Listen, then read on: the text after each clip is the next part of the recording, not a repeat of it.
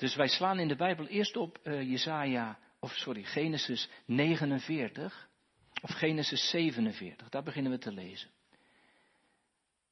Dus hebt u uw Bijbel er maar bij, want we lezen hier en daar een stuk. We beginnen in Genesis 47.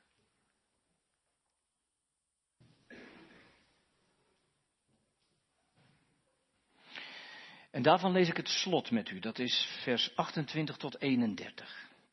En nu zit u nu Bijbel er vast boven staan. Het levenseinde van Jacob nadert. Jacob leefde nog 17 jaar in het land Egypte. Zodat de dagen van Jacob, de jaren van zijn leven, 147 jaar waren. En toen de dagen voor Israël naderbij kwamen dat hij sterven zou, riep hij zijn zoon Jozef en zei tegen hem, als ik toch genade in jouw ogen gevonden heb, leg dan toch je hand onder mijn heup en zweer dat je mij, mij goede tierenheid en trouw zult bewijzen. Begraaf mij toch niet in Egypte, maar laat mij bij mijn vaderen liggen. Daarom moet je mij uit Egypte vervoeren en mij in hun graf begraven. Hij zei, ik zal overeenkomstig uw woorden handelen. En hij zei, zweer het mij. En Jozef zwoer het hem. Toen boog Israël zich neer aan het hoofdeinde van zijn bed. En dan uit hoofdstuk 48 vanaf vers 21. En dan lezen we door tot 49 vers 2. Dus van hoofdstuk 48 vanaf 21. Toen zei Israël tegen Jozef, zie ik ga sterven. Maar God zal met jullie zijn en hij zal jullie terugbrengen naar het land van jullie vaderen. En ik geef jou één deel meer dan je broers. Een bergrug, die ik met mijn zwaard en mijn boog uit de hand van de Amorieten heb genomen. Daarop riep Jacob zijn zonen en zei, verzamel jullie, dan maak ik jullie bekend wat jullie in later tijd over, over, overkomen zal. Kom bijeen en luister, zonen van Jacob, luister naar Israël, jullie vader. En dan komen in hoofdstuk 29 al die afzonderlijke zegeningen van, van Ruben tot en met Jozef en zijn zonen. Nou, daar gaan we een keer apart bij stilstaan. Ik lees nu de tekst voor de preek, want die staat er middenin. Vers 18. Dan komt er tussen al die zegeningen door ineens een soort uitroep. Vers 18 van hoofdstuk 49. Op uw zaligheid wacht ik, heren. En dan lezen we verder in vers 29, want dan zijn we bij zijn daadwerkelijk sterven. Daarna gebood hij hun en zei, ik word met mijn volk verenigd. Begraaf mij dan bij mijn vader in de grot die op de akker van Efron de Hethiet ligt. In de grot die op de akker van Machpela ligt, dat tegenover Mamre ligt, in het land Canaan. En die Abraham samen met die akker gekocht heeft van Efron de Hethiet als eigen graf. Daar hebben ze Abraham begraven en Sarah zijn vrouw. Daar hebben ze Isaac begraven en Rebecca zijn vrouw.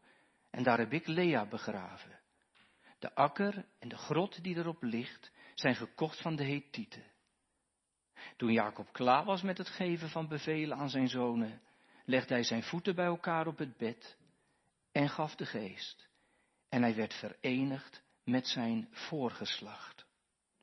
Tot zover onze schriftlezing. En de tekst voor de preek, zoals ik u zei, is dus in bijzonder het achttiende vers van hoofdstuk 49. Op uw zaligheid wacht ik, heren. Jongens en meisjes, ik had een hele lieve oma. Ik kwam heel graag bij haar. Heel vaak ook. En op een dag werd ze ziek. En ze moest naar het ziekenhuis. En de dokters die, die probeerden haar beter te maken. En, en wij gingen veel bidden of God haar weer beter zou maken. Maar weet je, maar weet je, de Heere God vond dat oma bij hem moest komen. Ze ging sterven. Gelukkig kon ik nog een keertje naar oma toe. En ze lag stilletjes in haar bed en had haar ogen dicht. En de dokter zei, ze wordt niet meer wakker. Nooit meer. Nou ja, zullen we dan wat gaan zingen, zei ik.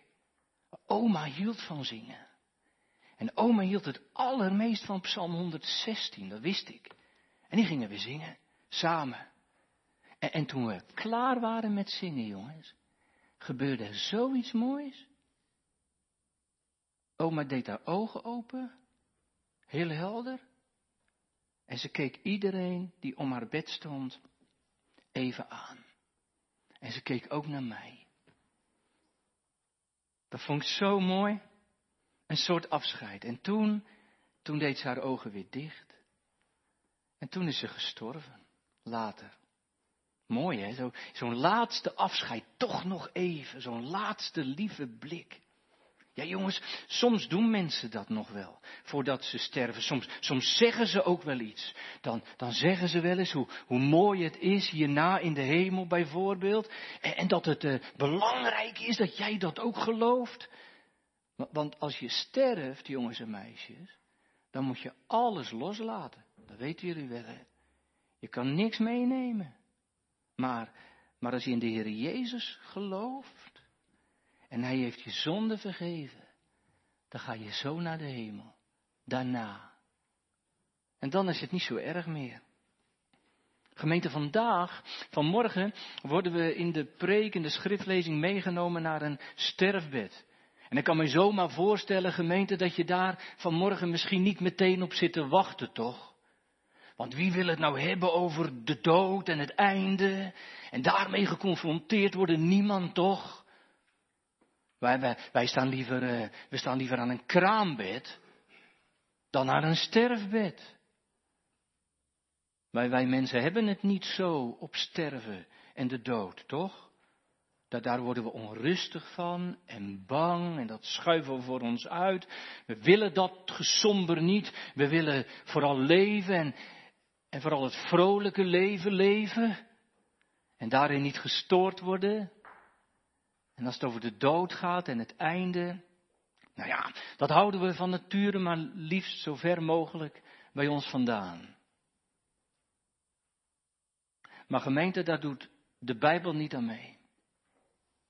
Daar doet God niet aan mee. Maar de Bijbel brengt de ernst van de dood, van het einde, van het sterven steeds en juist dichtbij. Het is de mens gezet eenmaal te sterven. En, en, wat er dan nodig is als je sterft, want die tekst zegt verder, en daarna het oordeel. Ja, alle mensen moeten sterven, ook u, jij, ik. Op een dag blazen we de laatste adem uit. En op een dag maakt je hart de laatste harteklop. En dan? Is het dan goed? Kun je het dan zeggen, mijn troost in leven en in sterven is dat ik het eigendom ben van Jezus Christus, die met zijn bloed voor al mijn zonden volkomen betaald heeft. Gemeente, als je dat weet, als je dat weet, dan ben je in goede handen. Serieus, dan ben je in goede handen voor eeuwig, echt. En als je dat niet weet, dan wacht na de dood de eeuwige verlorenheid. Dan ben je nooit meer in iemands handen. Omdat je niet wilde geloven in Hem die je zo werd, vaak werd aangewezen en aangeprezen. Gemeente, waar staat u eigenlijk en, en jij? Als je vandaag sterft? Is het dan goed?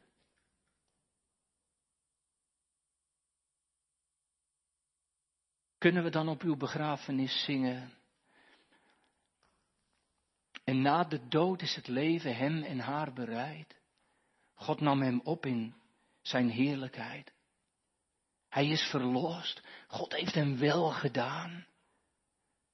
Vergeet nooit, gemeente, vergeet nooit dat het aan de Here niet liggen kan.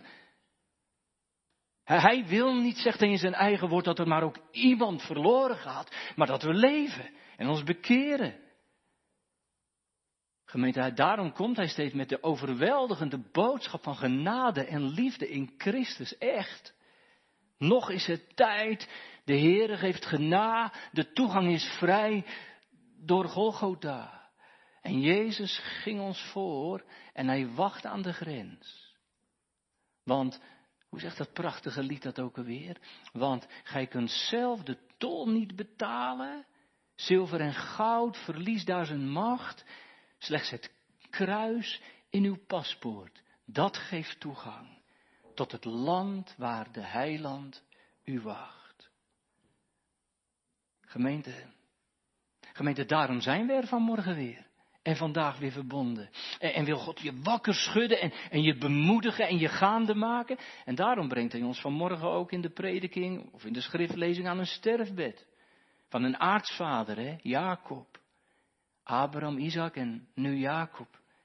En, hij is stervende. Nee, nee, zo lazen we niet stervende in, in zijn thuisland, Canaan, maar maar in Egypte, ver van huis. Daar was hij terechtgekomen door, door zijn zoon Jozef, die onderkoning was in Egypte. En ten tijde van de hongersnood. En, en op het moment, gemeente, dat, dat Jacob je sterft, is, hij al 17 jaar in, uh, in Egypte. En, en nu is hij 147, zo oud werden ze nog in die tijd. En stervende. En, en om zijn bed, om zijn sterfbed staan dus zijn kinderen. Hij, hij, heeft ze bij zich laten roepen. Daarom begint hoofdstuk 49 zo. Daarna riep Jacob zijn zonen. Gemeente, wat is dat een zegen? Dat als je sterven moet en je, je kunt nog bewust afscheid nemen. Dat is toch een zegen? Dat je dan nog een, een laatste woord kunt zeggen. Lijkt mij geweldig. Maar ik ben niet voor het zeggen. Maar wel mooi als, als je dat als kinderen nog gegeven is, toch? Dat, dat je stervende vader of moeder nog iets tegen je zeggen kan, zo op het laatst. Op die grens van tijd en eeuwigheid, een, een laatste woord. Maar gemeente, laat het er niet op aankomen hoor. Laat het er niet op aankomen. We krijgen niet allemaal een sterfbed zoals Jacob. Soms, soms neemt de Heer je ineens weg. En is dan ook alles gezegd? U maakt van achterblijvers toch geen spoorzoekers? Met andere woorden, je sterft, maar ze weten niet waar je bent. Nou, Jacobs afscheid is in ieder geval heel bijzonder. En zijn kinderen staan om zijn bed en hij heeft er de tijd blijkbaar voor gekregen van God. En zijn afscheidswoorden zijn indrukwekkend en profetisch. De Heilige Geest laat hem namelijk zien, gemeente, wat er van zijn kinderen komen zal. Hij ziet de toekomst van zijn nageslacht. En soms, soms fonkelen zijn ogen daarbij van blijdschap. En dan weer zie je zijn gezicht vertrekken van verdriet en angst. Ja, in die, uh, in die afscheidswoorden gemeente wisselen belofte en bedreiging zich steeds af belofte van zegen. Bijvoorbeeld, later zal ik daar nog apart over gaan preken, maar bijvoorbeeld voor Jozef en zijn zonen Ephraim en Manasse. Zij, zij zullen groot worden, zegt Jacob, en aanzien verwerven. En, u moet weten, gemeente, in Israël is er zelfs een spreekwoord gekomen voor Ephraim en Manasse. Wist u dat een soort zegenwens was? De Heere maken u als Ephraim en Manasse. En ook Juda. Juda krijgt ook een geweldige belofte mee, toch? Hij zal de koningsstam zijn. Uit hem zal de Messias geboren worden. Christus, de grote rustbrenger. Mooi. Ja, dat zijn de mooie dingen. Maar, maar bedreigingen klinken er ook. Dat moet wat geweest zijn, gemeente. Die bedreiging aan het gebed van een stervende vader. Ruben bijvoorbeeld, de oudste. Die jongen, Ruben, die, had zich laten leiden door, door ongeremde seksuele verlangens. En hij was naar bed geweest met de vrouw van zijn vader, de bijvrouw, Billa. Seks, jongelui, met de vrouw van je vader. En kwam toen ook al voor, die ellende van grensoverschrijdend seksueel gedrag. Meer dan je denkt. En, en dan is, is vader Jacob aan het sterven en dan wordt Ruben er nog aan herinnerd ook. Hij zal zijn eerstgeboorterecht verliezen, zegt Jacob. Hij zal de eerste niet meer mogen zijn. En Simeon en Levi, die krijgen ook in plaats van een zegen een bestraffing. En waarom krijgen zij? Nou, zij waren heel gewelddadig. Toen uh, er kleefde bloed aan hun handen. Ongetwijfeld heeft Jacob op zijn sterfbed gedacht aan die keer, misschien weet u dat, dat deze twee broers alle mannen van Sichem uitmoorden en het recht in eigen hand namen, omdat die koning van Sichem hun zus verkracht had. Ook al van die ellende waarvan je denkt, het is van alle tijden. Maar het wordt allemaal gezegd aan dat sterfbed. En zo komen alle zonen voorbij. Eén voor één krijgt iedere zoon stuk na stuk van de stervende vader ofwel een bestraffing ofwel een belofte. Kijk gemeente, kijk gemeente, met, met elkaar kunnen spreken voordat je sterft. Dat is al heel wat toch? Maar, maar een woord van God te mogen doorgeven, op de grens van de eeuwigheid. Dat is geweldig toch? Dat je, dat je de achterblijvers nog één keer mag wijzen op dat ene nodige. Op een God die leeft. Het is de laatste keer dat het kan. De laatste mogelijkheid om, om nog een geestelijke erfenis achter te laten. Om, om tegen ze te zeggen, jongens, wie God verlaat, die heeft smart op smart te vrezen. Maar wie op Hem vertrouwt, op Hem alleen, die zal zich omringd zien met Gods weldadigheid. Om nog één keer te mogen zeggen dat ze de Heere moeten zoeken. En dat ze dan, dan eeuwige zegen mogen verwachten. Weet u, weet u, als je dat tegen je kinderen zegt, hè, dan laat je je kinderen pas echt goed achter. Ik hoorde pas iemand zeggen, die was heel rijk en die had eh, zijn erfenis allemaal goed geregeld.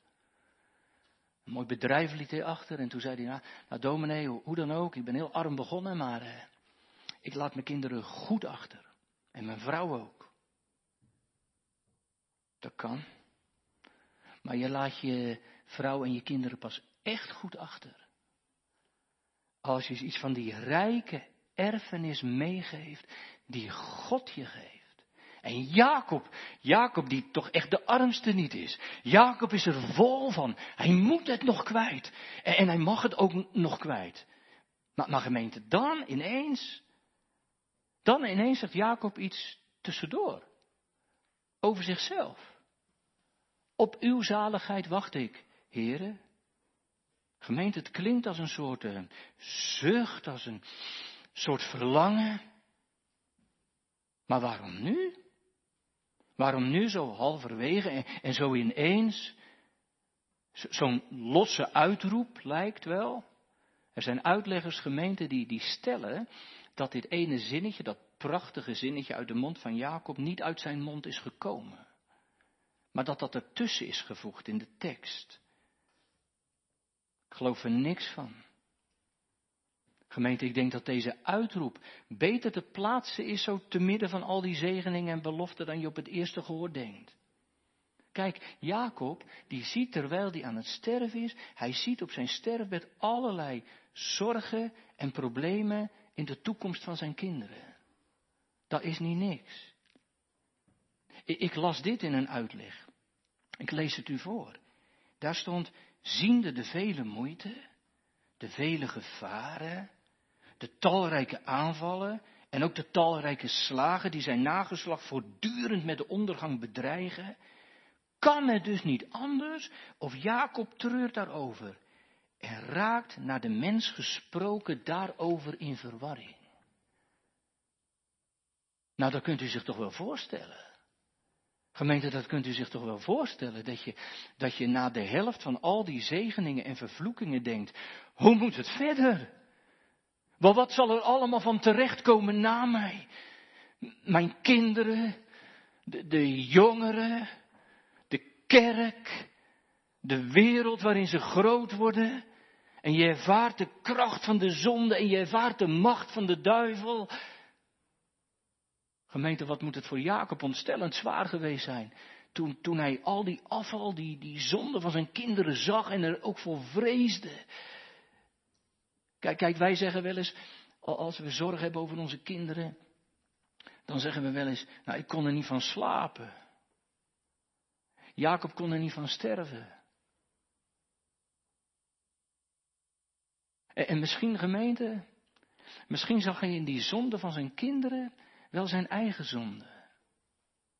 Zijn leven dat door bedrog gestempeld was. En ook door seksuele zonde, want daar kon Jacob ook wat van. Toen hij naar bed ging met zijn schoondochter, die weduwe was. Misschien kwam dat wel op hem af, weet u het? En gemeente, dat is toch ook niet zo vreemd als je erover nadenkt. Je ziet hoe de jongeren, hier dan de kinderen, eh, zondigen en verwereldlijken. Je ziet bepaalde scherpe kantjes in hun karakter en in hun levenswijze. En het komt op je af. Heb ik ze wel goed genoeg opgevoed? Heb ik het ze wel allemaal gezegd? Heb ik ze wel, heb ik ze wel voldoende bij de Heer Jezus gebracht? En gezegd dat de mens moet sterven en daarna het oordeel? Ging het wel vaak genoeg over de eeuwigheid? Was ik zelf niet veel te oppervlakkig en bezig met de dingen van hier en nu? Nee, nee, gemeente, die Jacob, hè, die Jacob ligt zich niet hier op zijn sterfbed ineens vrij te pleiten. Zoiets van, ik heb er alles aan gedaan en meer zat er niet in. En je kunt niet alles in de hand hebben. Maar hij richt zich op God. Dat is heel opvallend. Hij heeft juist nu de Heer nodig. Juist in dit stervensuur. Maar op uw zaligheid wacht ik, heren. Ja, ja, dat zegt hij ook, gemeente. Dat zegt hij ook met het oog op zijn kinderen, zeker. Alsof hij tegen zijn kinderen zegt, jongens, jongens, verwacht het vooral van de Heer. Want zonder hem kom je er niet. Hij legt zijn kinderen als het ware in Gods handen. Door zich, door zich aan die zaligheid vast te klemmen. Op uw zaligheid wacht ik. Jongens, daar gaat het over. Ja, misschien herkent u dat wel. Als je de Heer kent, herken je het zeker. Die, die zaligheid waar je jezelf aan vast klem, daar klem je je kinderen aan vast. Toch? Ik leg de namen van mijn kinderen in uw handen. En graveert u ze daarin met onuitwisbaar schrift. En dat niets of niemand ze ooit daaruit kan branden, ook niet wanneer de Satan zoals de tarwe heeft. Dat kent u toch wel? Jongens en meisjes, jongens en meisjes, er, was eens een uh, oude moeder gestorven. En toen de begrafenis klaar was en iedereen weer naar huis was, gingen de kinderen naar het huis van hun moeder, want hun vader was al overleden. En toen gingen ze het huisje opruimen. Misschien hebben jouw vader en moeder dat ook wel eens gedaan. Dat is echt niet leuk. En toen vonden die kinderen, jongens en meisjes, in dat huis van mama, vonden ze een Bijbel. Die lag op haar nachtkastje.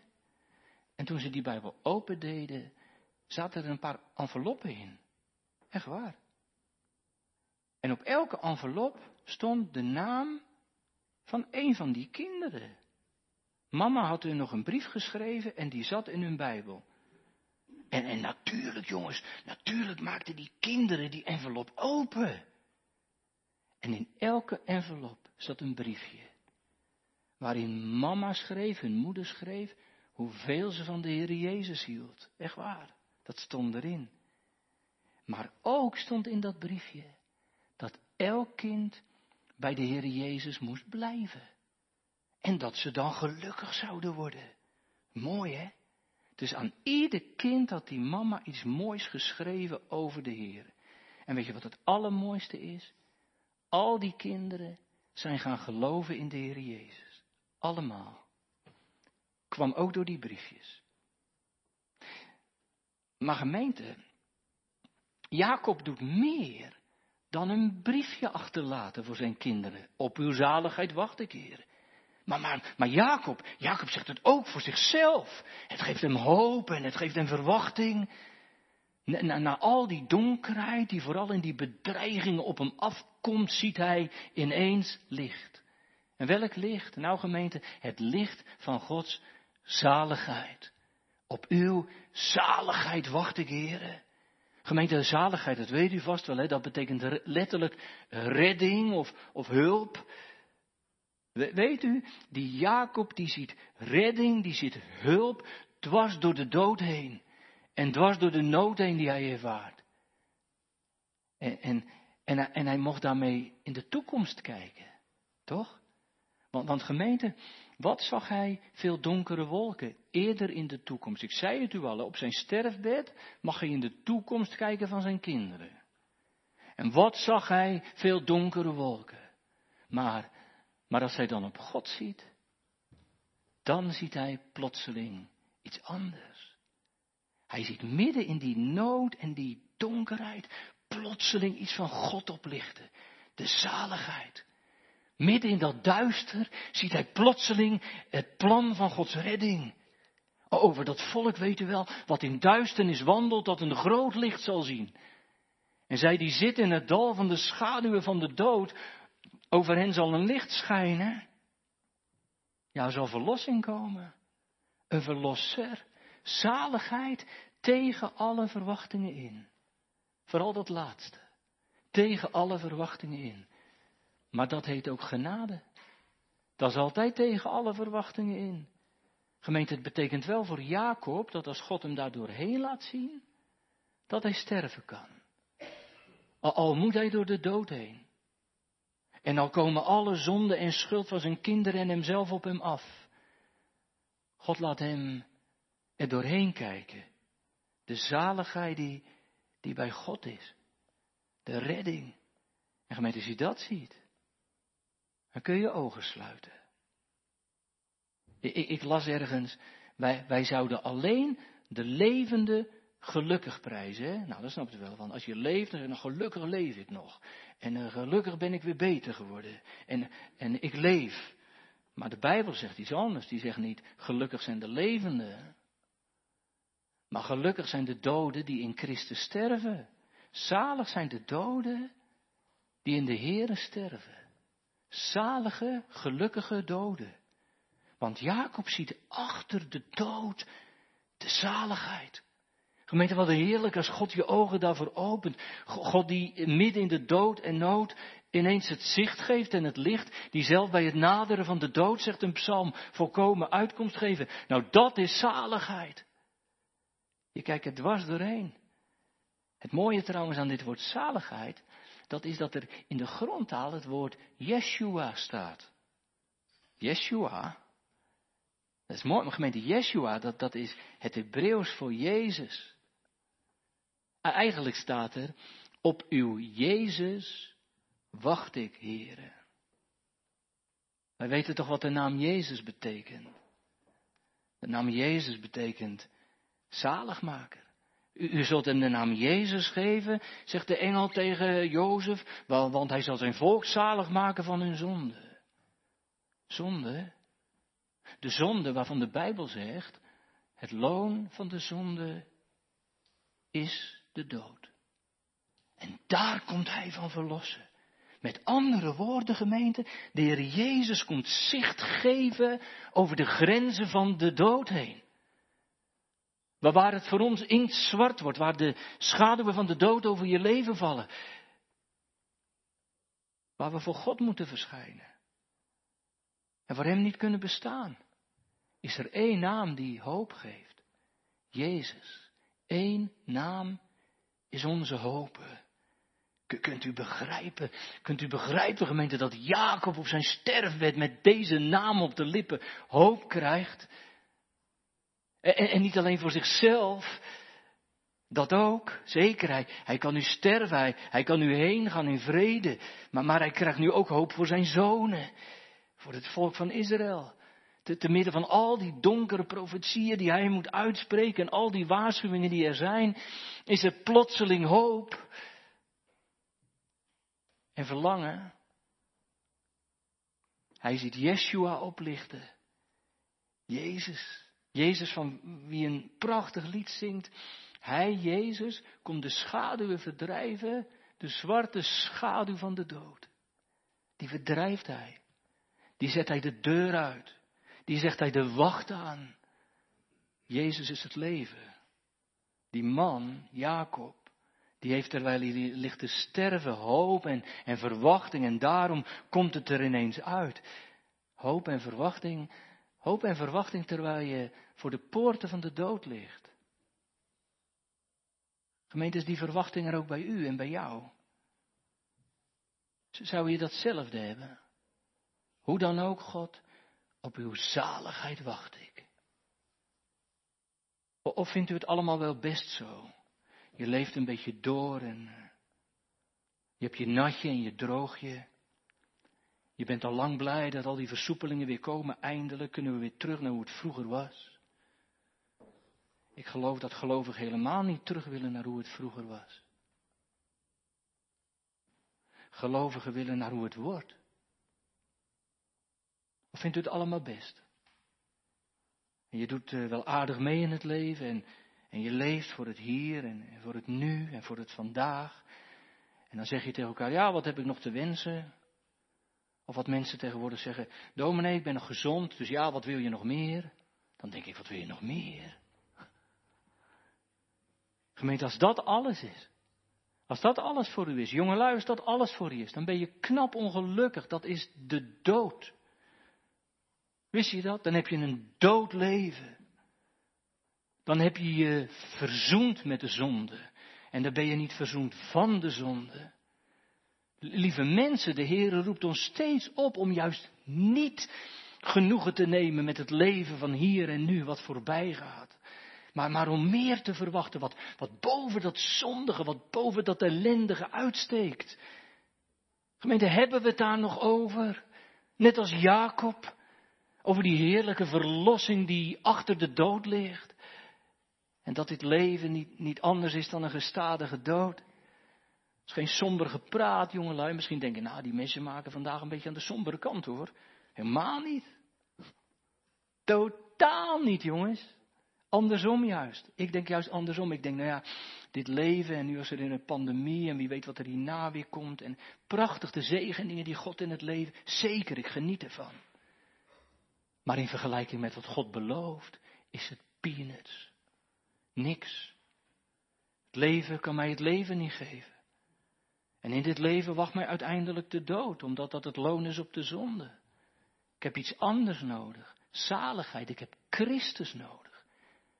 En hebben we het daar nog over? Dat is niet somber, dat is juist blijmoedig. Gemeente, hebben we het er nog over? Net als Jacob over die verlossing die achter de dood ligt. En de zaligheid die, die wacht op al Gods kinderen. Als je sterven moet, heb je dan verwachting. Een zaligmaker. Jacob die, die ziet er naar uit, dat staat er toch? Op uw zaligheid wacht ik, o heren, zegt hij.